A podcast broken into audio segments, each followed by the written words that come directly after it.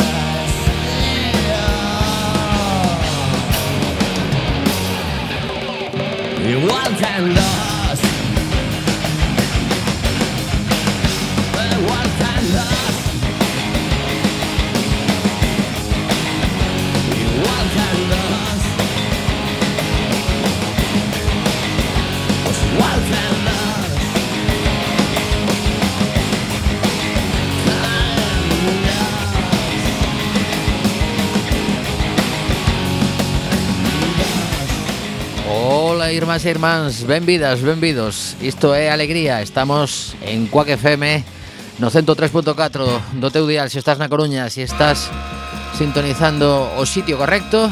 E tamén estamos en internet en cuacfm.org Se pos eh, barra directo xa conectas directamente. E tamén tes a opción de escoitarnos a través da aplicación para Android ou para iPhone desta casa que Hoxe nos dá acollida unha vez máis. Temos que dicir que o compañeiro Roberto Catoira non puido eh, achegarse hoxe por motivos persoais Pero cubriremos aquí con, con alegría. Hola Bea, que tal? Hola, empeza a ser época de Nadal E as cousas se lían todas totalmente. Mm, Roberto, non sei que tería ou se sería xa tema de mm, estamos en unha época en nos que os escolares non están para moito.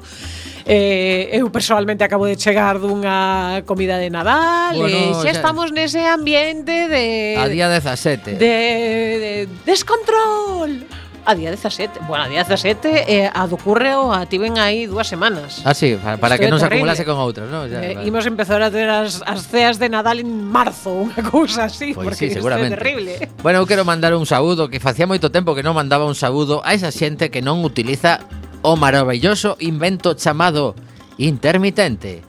Non se deron unha galleta agora mesmo vindo para aquí, dous, eh, na terceira ronda por culpa dun artista que se cruzou tres carrís cara dereita sin intermitente nin leites. Uh -huh Sí. Eso que o ves e, se, se está movendo, se está movendo E outro quería ir, eso, un digamos que ia cara ao aeroporto E outro a cara a Zapateira, pero mm, decatáronse tarde de cara onde ia cada un Si, sí, nos acabamos de ter unha experiencia religiosa tamén Con que se cruzou así de de ¡Yu!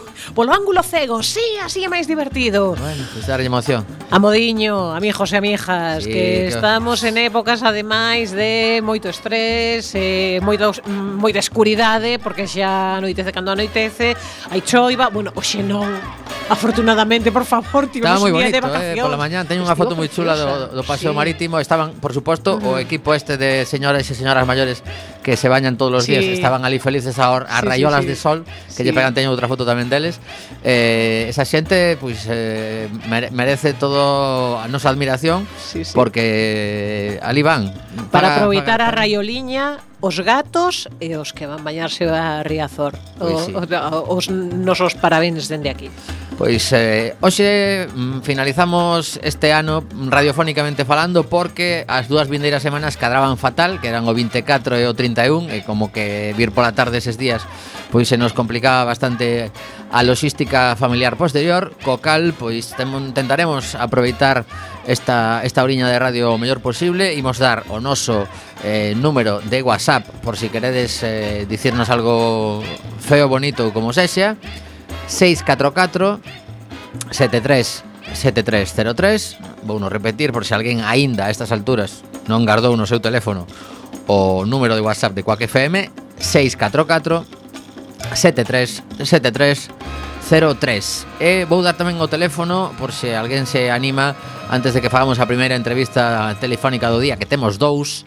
Pois dúas mellor dito 881 01 22 3, 2. Ben, pois eh, feitas as introducións varias eh, Temos que adicar polo menos tres minutiños Para facer unha valoración destas negociacións que nos poden levar ou non cara ter goberno por fin despois de tanta leria Pero a cousa non está demasiado clara Porque hai xente remando para atrás por ambas bandas Eh, non, non sei se Mariano xa sacou algunha conclusión do titular da Voz de Galicia de hoxe, por exemplo, que era moi emocionante.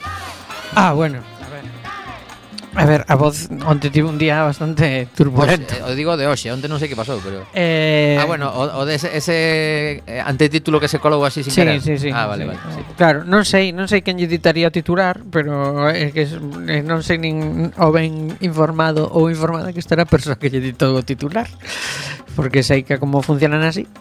Eh, pero a ver, nin idea, nin idea, nin idea de como de como irán, nin que pasiños para diante hai, nin que pasiños para atrás haberá. Non non o sei, non o sei. Sea, é, é complicado. Aquí pero... o que hai unha responsabilidade eh Bueno, hai unha responsabilidade, houbo unha responsabilidade de levarnos a, uh -huh. a unha nova convocatoria electoral e de novo volver unha responsabilidade de, de formar un goberno. Uh -huh.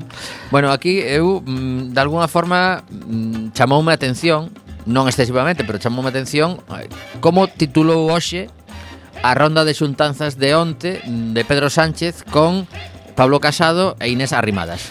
Bueno, o titular exacto é, para que a xente saiba de que falamos, o titular exacto é Sánchez da la espalda a Partido Popular e Ciudadanos, bueno, en, en castellano, y Ciudadanos, e insiste en la alianza con los independentistas. A ver, tería lle dado as, as costas se, se lle tiveran ofrecido algunha cousa. Digo eu, non? Non lle ofreceron nada, basicamente o que lle dixeron foi eh, el Partido Popular contigo no, bicho, E, eh, Ciudadanos, eh, unha cousa aínda máis divertida e pintoresca, que é que nós, o Partido Popular, eh, vos sumades, o que pasa que xa suman o Partido Popular e o Partido Socialista sen necesidade de Ciudadanos. que, bueno, home, co coláronse así, claro, é, eh, claro. É a xogada que ten que facer. Bueno, pero teñen, pero Ciudadanos podería participar de outro xeito. Sí, certo. Claro, certo, se, certo. se Ciudadanos vota a favor do goberno, non se, non precisa o Partido Socialista xa non precisa Esquerra Republicana de Cataluña, quero dicir, se eh, É unha cousa moi curiosa porque Ciudadanos si sí pode facer unha cousa para que o Partido Socialista non precise dos votos de Esquerra, pero propón outra cousa para a cal eles son absolutamente irrelevantes, non? Non hai Dios que entenda esa posición, quero decir, é imposible de soster políticamente esa posición. Bueno, o mellor a do Partido Popular non, a do Partido Popular enténdese, aínda que hai que lembrar que o Partido Socialista permitiu que se investise a Mariano Rajoy cunha, cunha abstención. Uh -huh. Cousa que o Partido Popular non lle devolve Por certo, aquí o, titular o titular evidentemente evidentemente tendencioso pero a ver é a voz de Galicia. Precisamente aquí aparece Pablo Casado afirmando que la abstención del Partido Popular sería letal para España. eh, a, a frase entrecomillada que publica Voz de Galicia despois do titular este que acabo de comentar e por outra banda o que dicía Mariano pois eu entendo que Inés Arrimadas eh, ofrécese como a muller que sería capaz de convencer ao Partido Popular de que si eles están nese eh, trigoberno, imos de chamar así, moderado. A pois ver, eu penso que, que ao Partido Popular e, a, e a, lucubrando, eh? ao Partido Popular e Ciudadanos non, lle mole, non lles molesta os, ao PSOE, o que lles molesta é Unidas Podemos. Supoño, non? supoño. Partimos desa, desa base ou esa é a coartada. Que pasa? Que mm, xa vimos onde foi un goberno en solitario do PSOE, non? Eh, quero dicir, durou seis meses e non foi quen de aprobar os orzamentos. Sí, entón, sí, sí. Eh, eu supoño que o Partido Socialista o que pretende é ter un goberno que dure. E para iso ten que atar eh, un apoio suficiente para aprobar orzamentos tamén. Claro, ¿no? claro. No, no, sí, sí, porque a mí hai unha cousa que me fai moita gracia e que agora eh, escoitas a algún tertuliano e tertuliana por aí dicindo é que, é que claro, é que agarra e, e, e pacta directamente con Unidas Podemos sen falar antes con, con, con, cos outros A ver, levan meses falando, meses, que non é dicir é eh, que agora mesmo acaban de empezar a, a, a quen queremos enganar ou queremos enganarnos a nos mesmos, por favor, que a estas alturas do partido xa sabíamos perfectamente por onde respiraba cada quen. Entón, ten certa lógica que despois das últimas eleccións pois non houbera moito que falar. Ou, ou supoño que algo falarían, pero en plan así como máis informal, e, seguimos dos igual, sí, seguimos dos igual, pois mira, hai que empezar a dar pasos, Además, pero de súpeto é como aquí, oh, é que non falou con ah, xa iba para, cansado para os partidarios, falar antes, para os superpartidarios da gran coalición que que que sempre os hai, aparecen en canto non hai maioría absoluta por algún dos dous partidos grandes, xa aparecen os partidarios da gran coalición. E sempre poñen como exemplo a, a Alemanha, que posible dos poucos países de Europa que teñen eh, tra, tradición de, de gran coalición, non? Eu só me gustaría facerlles unha pregunta sin en abstracto. Supoñamos que se fai un goberno de gran coalición supoñamos que eh, ese goberno agota a súa vida útil igual que todos os, os gobernos, non? E quedan, pois como quedan todos os gobernos, danado e polo tanto tamén os partidos que compoñen ese goberno quedan, pois como adoitan quedar os partidos dun goberno eh, que deixa de ser goberno, danados. A quen vota a xente despois? Quero decir, se se tes un partido de PSOE, PP e os dous partidos quedan tocados despois dun goberno que se esgota, que queda logo? Pois non che sei, non che sei, pero no, bueno. o digo porque como lles pon tanto medo un goberno de coalición de de, de PSOE e Unidas Podemos que, que igual un, un, unha grosse coalición, como din os alemáns, é a, a porta aberta para un goberno monocolor de, de Podemos ou de Vox. Sí, sí.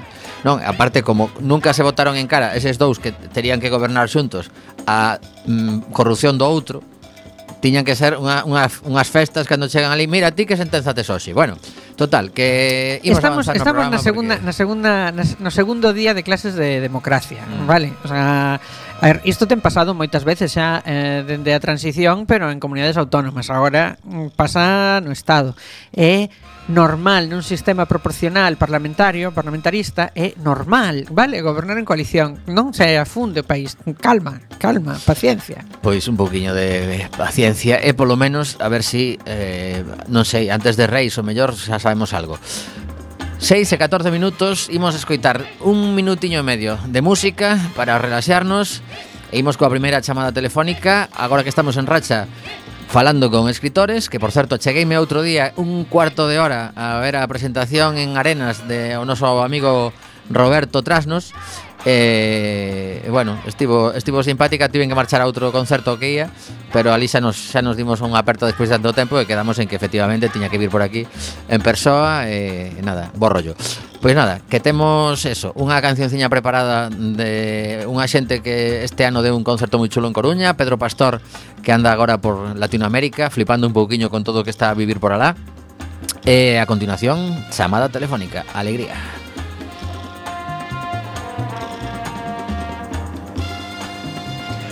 Subiendo pa'l cerro, bajando pa'l lago. Subiendo pa'l cerro, bajando pa'l lago. Carretera eterna hacia ningún lado. Caminito eterno, un grito callado. Solito sereno, caótico raro solito y sereno, caótico y raro. Yo y mis pensamientos, mis miedos, mis manos, yo y mis sentimientos, mis nubes, mis claros. Cuando estoy contento, que me falta algo. Cuando estoy contento, que me falta algo. Si estoy triste pienso que saldré del paso, tan triste y contento, mi grito callado.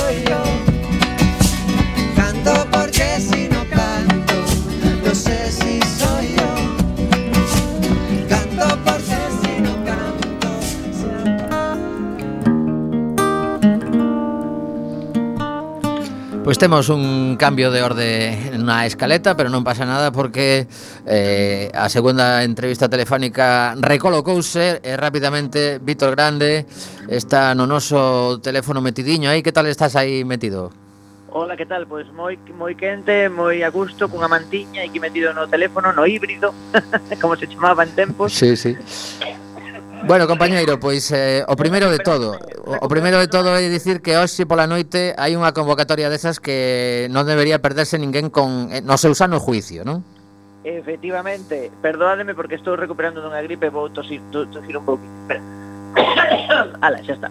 Esta noite, por favor, a última impro da noite da, da, da noite do ano 2019 no Baba Bar se masca la comedia, espectáculo único eh, irrepetible como todas as impros.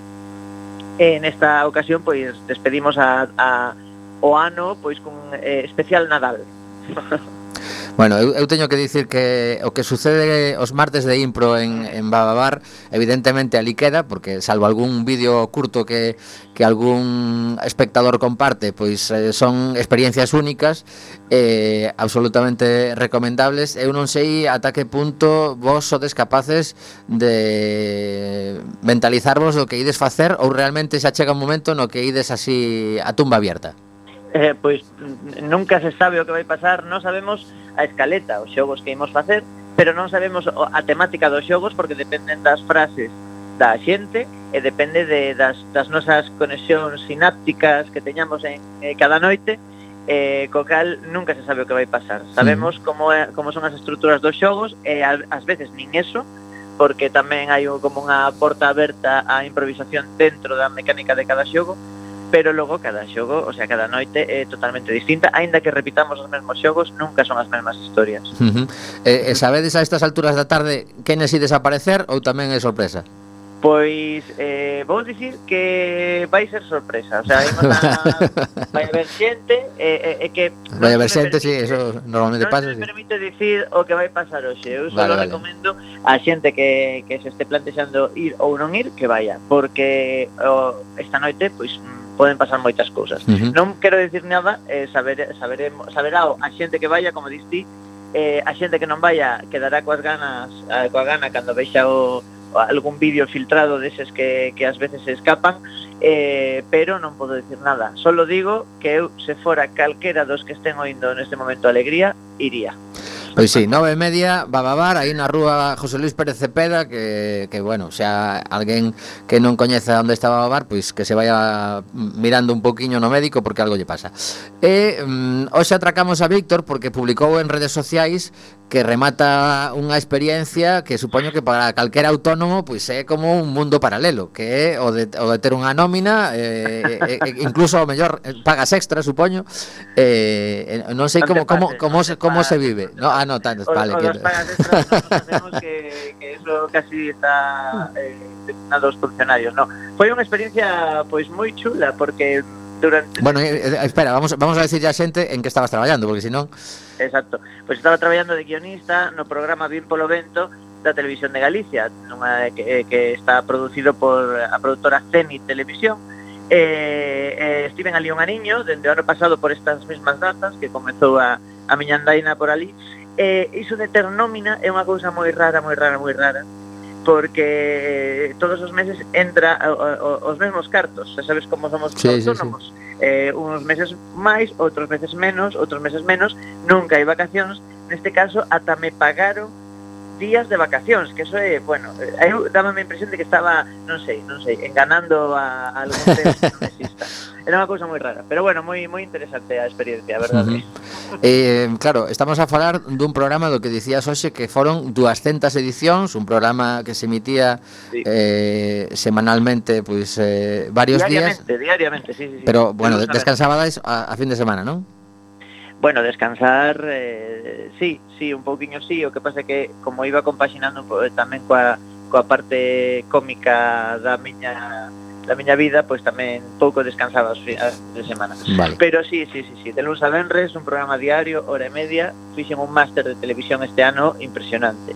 Can, eh, canta eh, xente cobrei, en vez de pagar. Sí, sí, canta xente eh, eh, estaba no, no equipo para poder sacar esa hora e media en antena pois eh, éramos aproximadamente 50 persoas, eh, entre técnicos, eh, guión, redacción, eh, eh colaboradores eh, e eh, producción, pois aproximadamente unhas 50 persoas, entre 40 e 50, non lembro exactamente o número exacto, uh -huh. e tamén houve moita xente que pasou polo medio, polo, por este ano, eh, en diferentes momentos, estivo de forma estacional, pero houve, digamos, o grosso do equipo, unhas 30 e pico persoas, estivemos dende, dende o principio, foron 247 programas. Caramba. Moi interesante. Eh, eh, na, na parte de guión, que supoño sí. que eu sempre estou convencido que sen guións pois eh, todo o que vas a despois é realmente complicado salvo na impro eh, pois pero pero na, na parte de guións cantos estabades? Pois na parte de guión estábamos a frío leira de unha persoa. Como?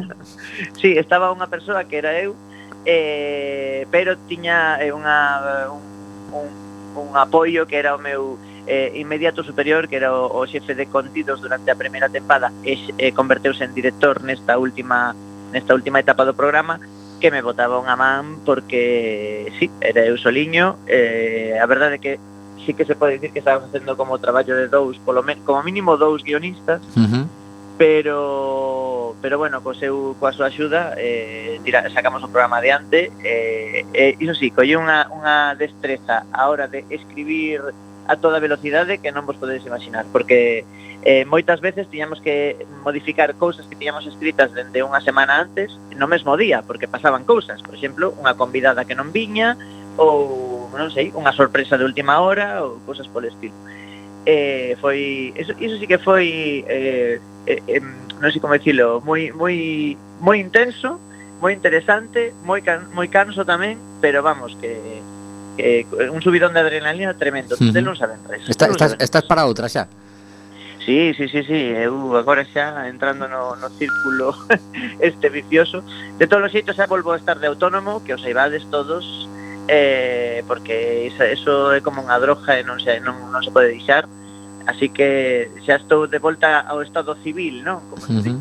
Eh, se me chaman para outra pois evidentemente pois, eh, se, se as condicións sea, e o programa ou o proxecto interesante para diante. Bueno, eh, eh, cando, cando ti chegabas cun guión para as persoas que tiña que despois eh, sacalo en antena, Tiñades aí tiras a frousas, mira, esta frase é imposible de dicir, eh, a mí me, me quitas me quitas eh, subordinadas, como é a cousa?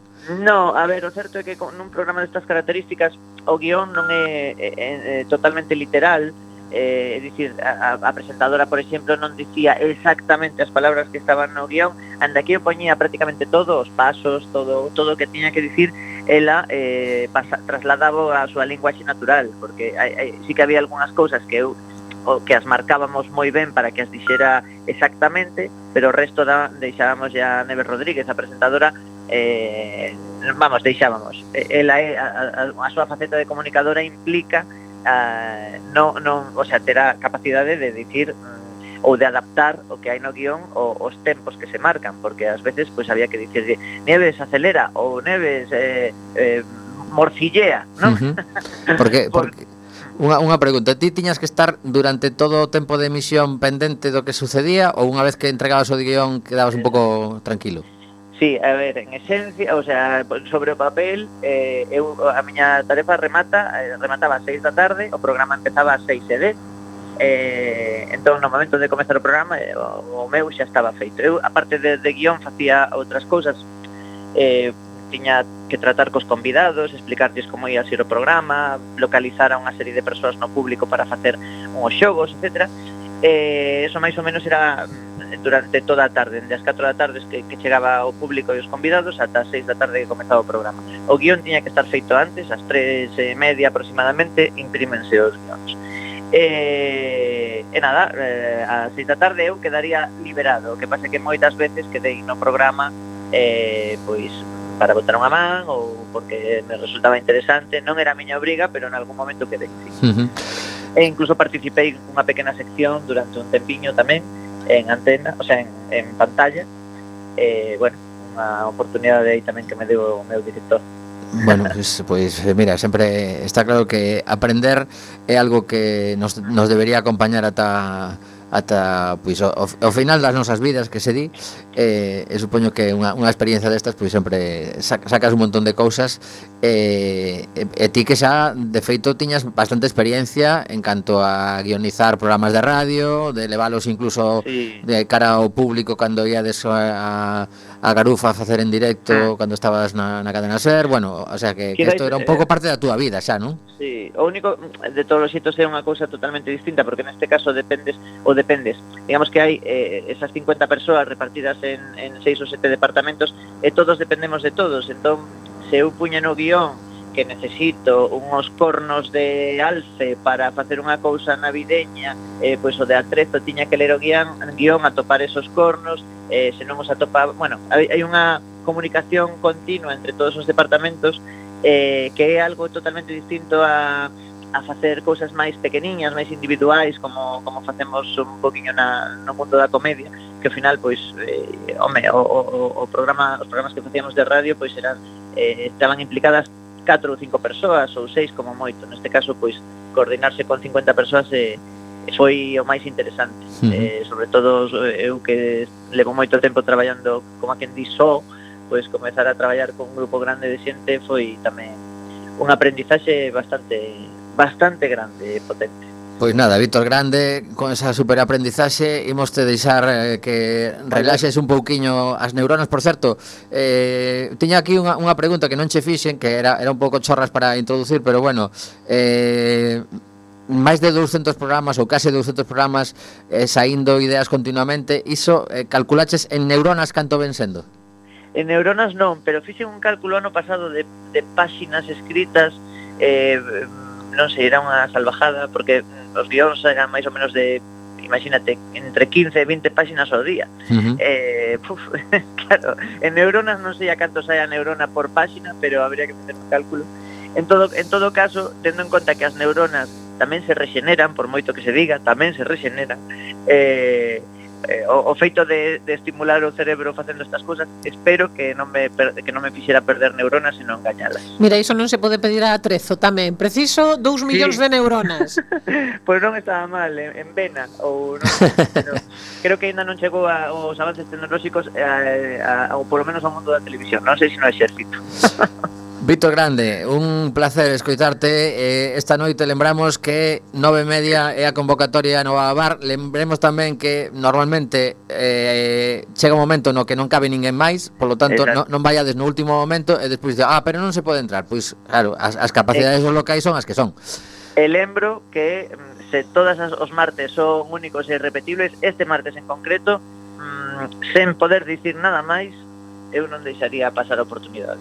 Pois, pois veña, queda aí a, a xente coas gañas. Eh, vémonos pronto, unha aperta. Veña, apertas, chao, chao, felices festas. Imos a aproveitar, felices festas, imos a aproveitar estes eh, minutiños antes de intentar recuperar a segunda entrevista do programa para a Econova de Bea Ula Lume, porque eh, algo que non debemos esquecer en ningún momento, caramba.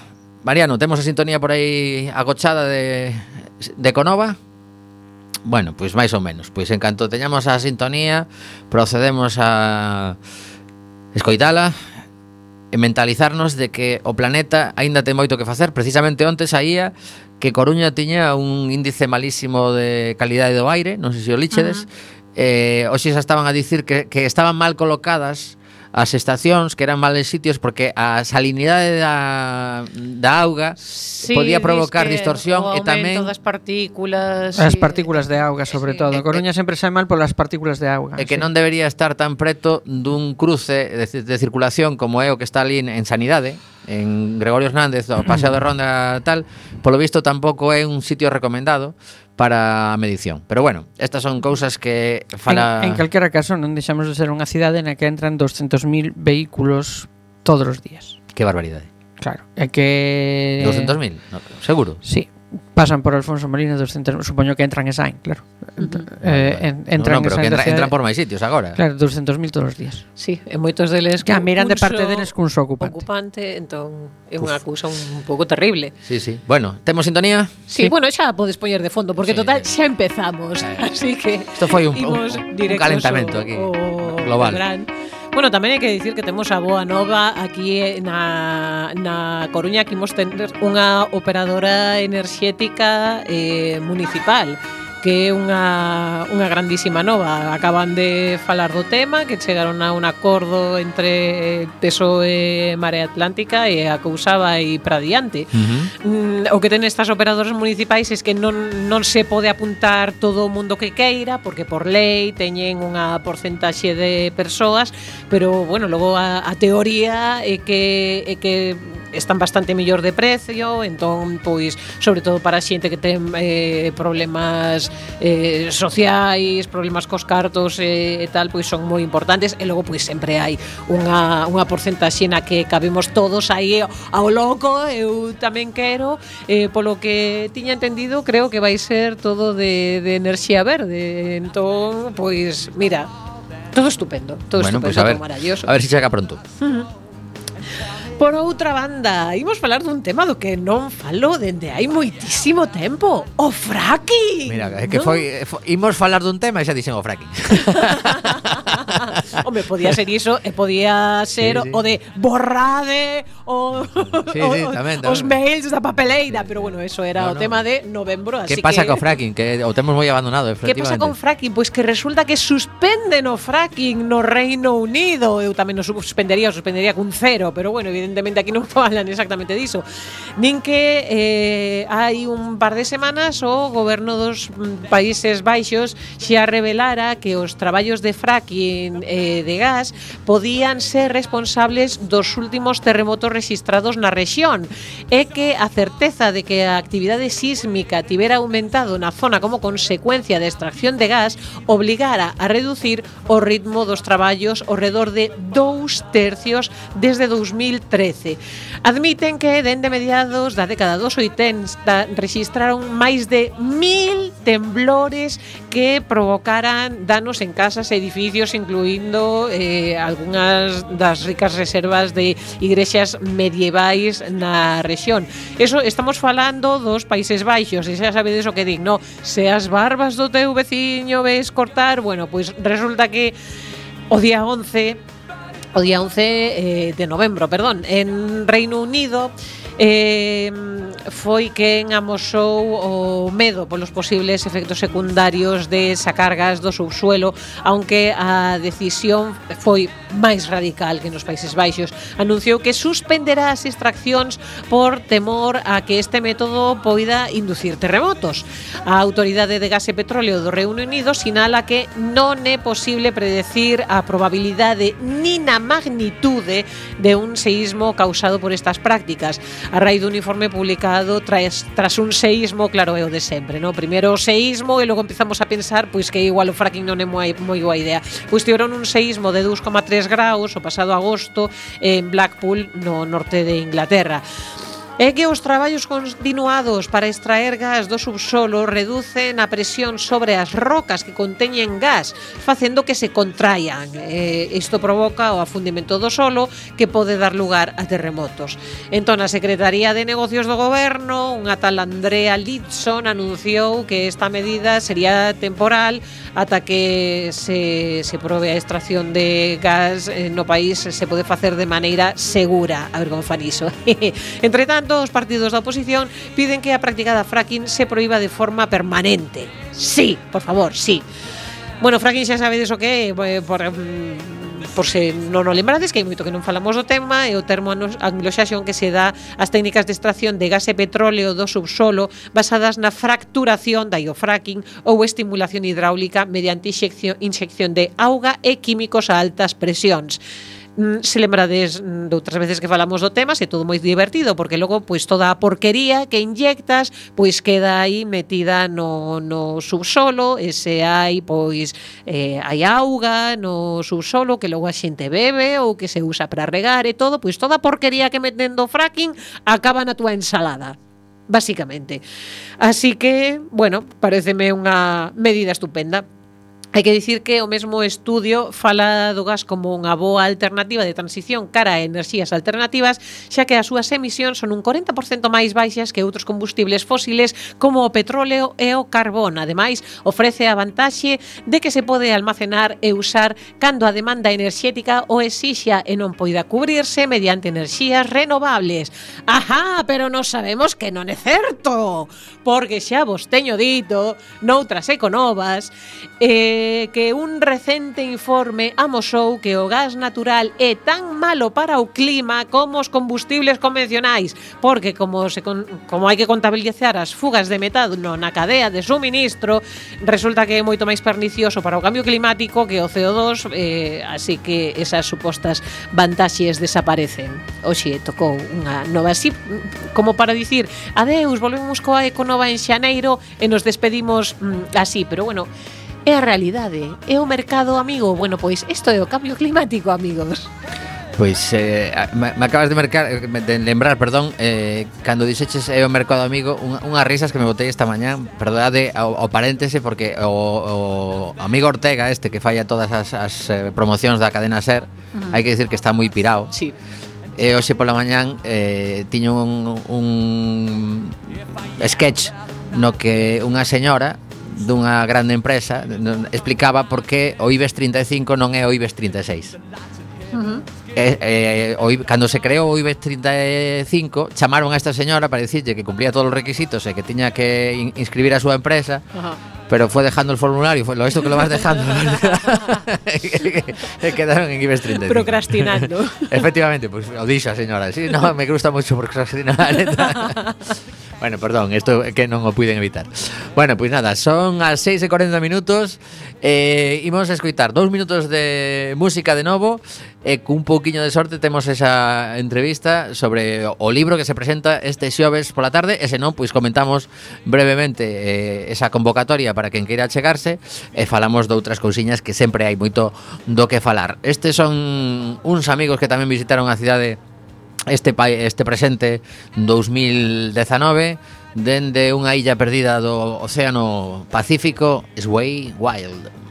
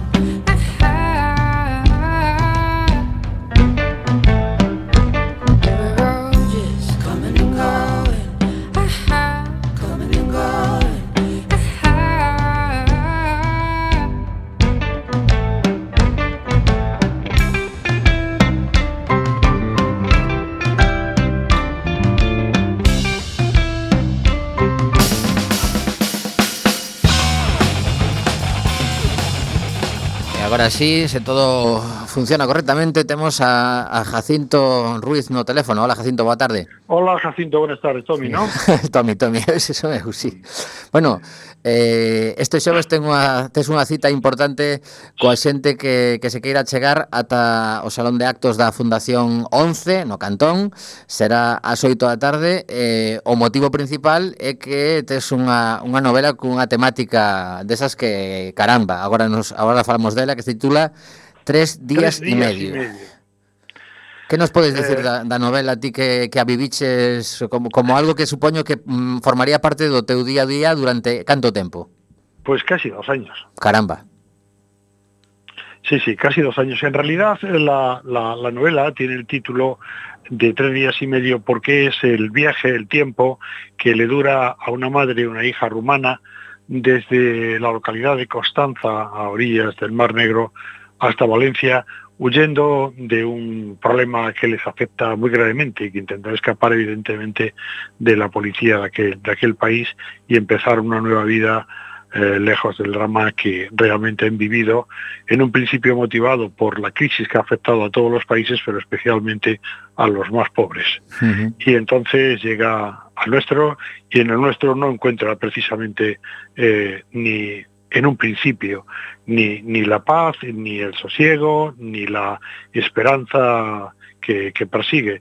Eh, al final coge un, un autocar, porque la, un autocar, una furgoneta porque le invitan y acaba en, la ciudad de Vigo, que es donde transcurre la novela. Y, y es, eh, yo diría que definirla exactamente como un thriller eh, no sería muy justo. El es, mm, tiene otras características, aunque tiene algo de ello por la reducción de, la trama que, dentro de la novela se presenta, pero es mucho, mucho más compleja y, comprende eh, problemas que afectan a, especialmente a las mujeres, esencialmente a las mujeres, eh, como la trata de sexual eh, eh, y el narcotráfico que afecta realmente a, a todo el mundo. Uh -huh. É que cando, cando mm, alguén se mete nunha historia complexa, unha historia complexa como como esta que nos estás a comentar, supoño que de alguma forma tamén conleva, aínda que sexa unha novela, certa responsabilidade co que estás contando, non? Sí, sí, sí, sí, sí, sí, sí. El, el, mira, Toby, eh, en realidad la novela comienza como uno de los muchos relatos que yo guardo en mi ordenador para, para vivirlos eh, literariamente y para tenerlos ahí por si algún día necesito utilizarlo para cualquier cosa, una conferencia, una novela.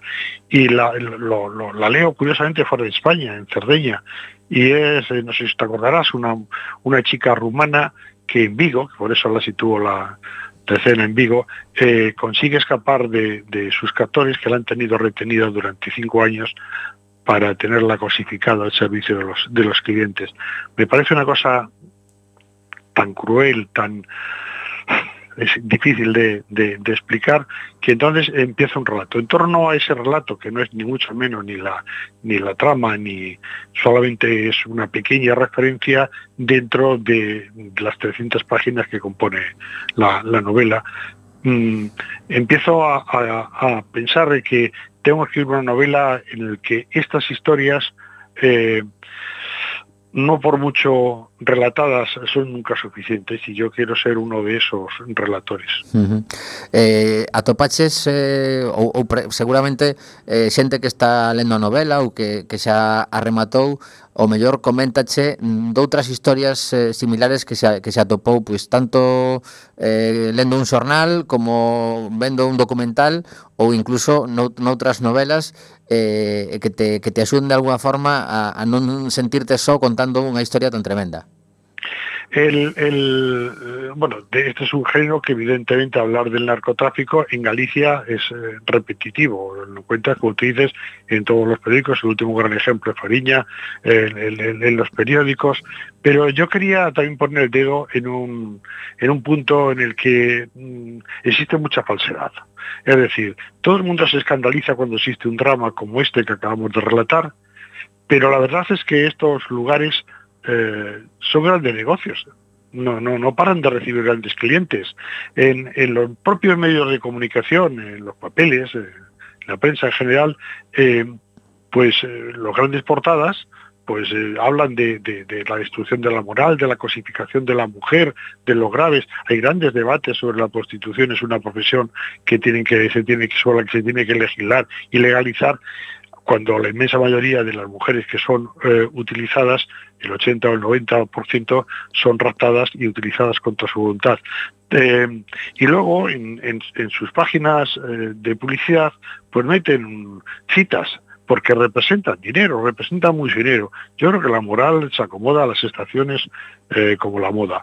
Pero tampoco quiero engañar, no es una novela que sea un tratado sobre la prostitución. La prostitución es un capítulo más del que corren peligro nuestras, nuestras vamos a llamar nuestras protagonistas en su, en su asentamiento en, en- en Vigo.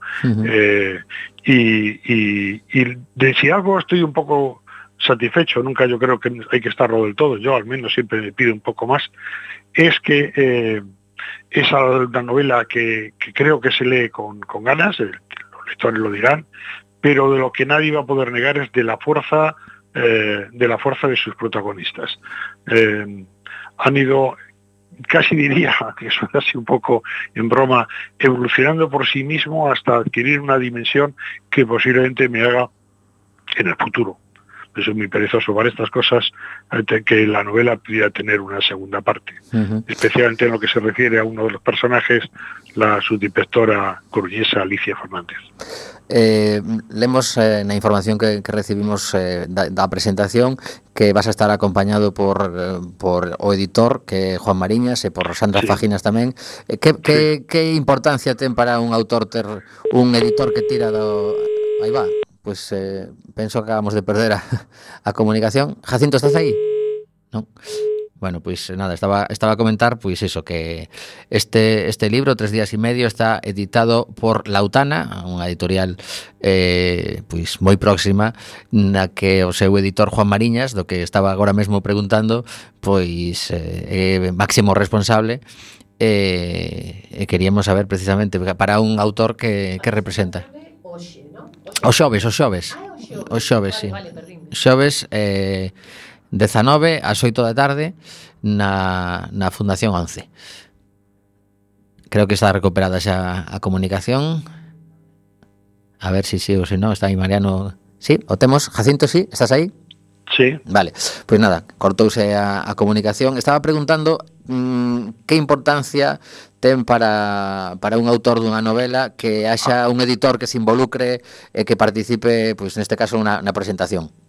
Eh, eh, tanto mi editor, Juan Mariñas, que además es escritor, eh, tiene muchas novelas publicadas, como la presentadora Sandra Faginas, jefa de, de suplementos de la voz de Galicia, compañera y amiga, pues es un soporte fundamental. El escritor demuestra un poco su insolencia cuando tiene que hablar de, de su novela, porque si cuenta y hace un spoiler de lo que está eh, transcurriendo dentro de la novela, el lector se siente un poco engañado. Y además, por otro lado, yo siempre he pensado que los, eh, los lectores, eh, si se sienten atraídos y por la novela y por sus personajes, los acaban haciendo suyos y acaban completando la novela desde su propia perspectiva. Sandra es una magnífica mm, periodista, una estupenda na- narradora de muchas cosas de- desde el periódico y bueno, estoy seguro que lo que diga es máximo interés. Y Juan Mariña, el editor, pues ya te digo, es un editor joven eh, del mundo eh, auténticamente de las artes, eh, ha sido actor teatral, es escritor al día de hoy, es editor de oportunidades y tendrá mucho que decir mm, porque ha leído también la novela y también tendrá desde otro planteamiento mm, más, más casi profesional que, que, que, que dentro del propio género periodístico. Uh -huh. eh, lemos na, na información que, que enviachedes que ti tamén, entre outras cousas, adicaste a, a pintar. E non sei ata que punto a xente cando cando unha persoa fai cousas, digamos, de alguna forma relacionadas, porque ao final son son partes creativas do, do ser humano, pero se despista cando di, ah, pero son escritor, non, pero son pintor, pero que, que son, non? Realmente ti, ti veches algunha vez a, esa esa conversa Yo de soy... Sí, sí, sí, es, es, es cierto. Yo eh, en una entrevista que había hecho eh, en La Opinión empecé recordando que soy un fabulador casi por excelencia. Y en el fondo es una herencia de, mi madre, que cuando éramos pequeños, somos cuatro hermanos, eh, tenía una extraña virtud. Las películas que nos contaba, después vistas cuando hemos sido más mayores, algunas de ellas por nosotros, eh, nos emocionaba más en su voz que en la propia, que en la propia pantalla. Eh, bueno, pues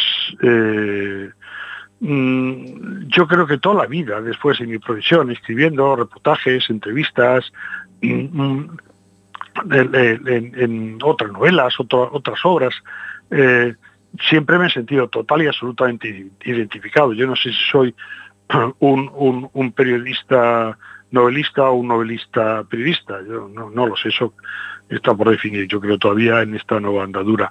Y como pintor, pues casi arranca de lo mismo. Prácticamente toda mi familia, eh, yo soy natural de Madrid, aunque llevo aquí viviendo toda la vida, eh, pinta o, o ha pintado. Y para mí es, es tan natural ponerme a pintar a cualquier hora del día en mi casa o en el estudio de Stolar de Gosia Trebach como una persona se puede ver un- una película en la televisión. No, me, no me resta tiempo. Aparte, eh, yo creo que son... mm, bueno, las dos tienen su aspecto realmente creativo, pero eh, alguien me dijo, mira, si tú estás leyendo una novela y tocan el timbre de la puerta, tú abres la puerta y vuelves, lees un par de párrafos y te reenganchas. Pero si estás escribiendo, vuelves a la pincelada anterior. O sea, yo creo que ahí tenemos diferentes partes en, en nuestro, nuestro cacumen que nos conduce a lo mismo. Yo no sé, no podría definirme, creo que soy más, más escritor que, que- que pintor. pero, pero las dos cosas me gustan mucho y yo creo que no cuesta mucho trabajo compatibilizarlo. Pues sí, hay que disfrutarlas. Curiosamente, a 6 en punto da tarde empezaba o programa, eh, envioume unha mensaxe Gosia, porque estivo aquí no programa hai unhas semaniñas nada máis, falando sí. desa, desa pois, mostra de arte para que a xente se anime a mercar durante o Nadal eh, pois, obras obras únicas, eh, e convidábanos, pois, por exemplo, a pasar este sábado por ali, eu lembro a xente que, que aínda quedan moitos días de, de achegarse a, ao taller Isolat, eh, Estolat, perdón, Estolat, Estolat eh, sí. eh, que, se, que se animen a, a polo menos botar un ollo e decidir se si algunha das obras que hai ali pois lle poden gustar para a súa casa ou para regalar a alguén. Un, hai un magnífico repertorio con eh, pintores, escultores, eh, de, de, de, de todos os precios y de todos eh, los gustos. Eh, yo, yo creo que es un viaje que merece la pena hacer. Pois nada, recomendaremos tamén os vindeiros días en redes sociais, porque agora temos que escaparnos, chega outro programa a Quack FM. Moitísimas grazas, eh, Jacinto, por estes minutos, e lembramos, o xoves este xoves 19 ás 8 da tarde no Salón de Actos de eh, eh, a Fundación 11 en no Cantón, pois temos a presentación da, da novela Tres días e medio e agardamos que a xente que se achegue o disfrute moito. Sorte. Muchas gracias, Tony. Unha aperta. Pois nada, quedamos eh, vea últimos segundiños para decirlle a xente que, que se porte ben no Nadal ou que se porte fatal. Moi boas festas. Eh, Espera, espera, que Mariano non che- encendeu o micro aí. Agora, agora. Bo Nadal. Ah, pois tampouco. que non, que non. Ah, bueno, pois a mí non me saiu. Chao, chao. Bueno, pois nada, despedímonos. Mariano, queres decir algo de aínda que tes 10 segundos desta obra aí? Eh, de pues regalo. nada, bo Nadal e próspero ani novo. Hala. Veña, lotería de Cuac, eh, vai tocar. Chao.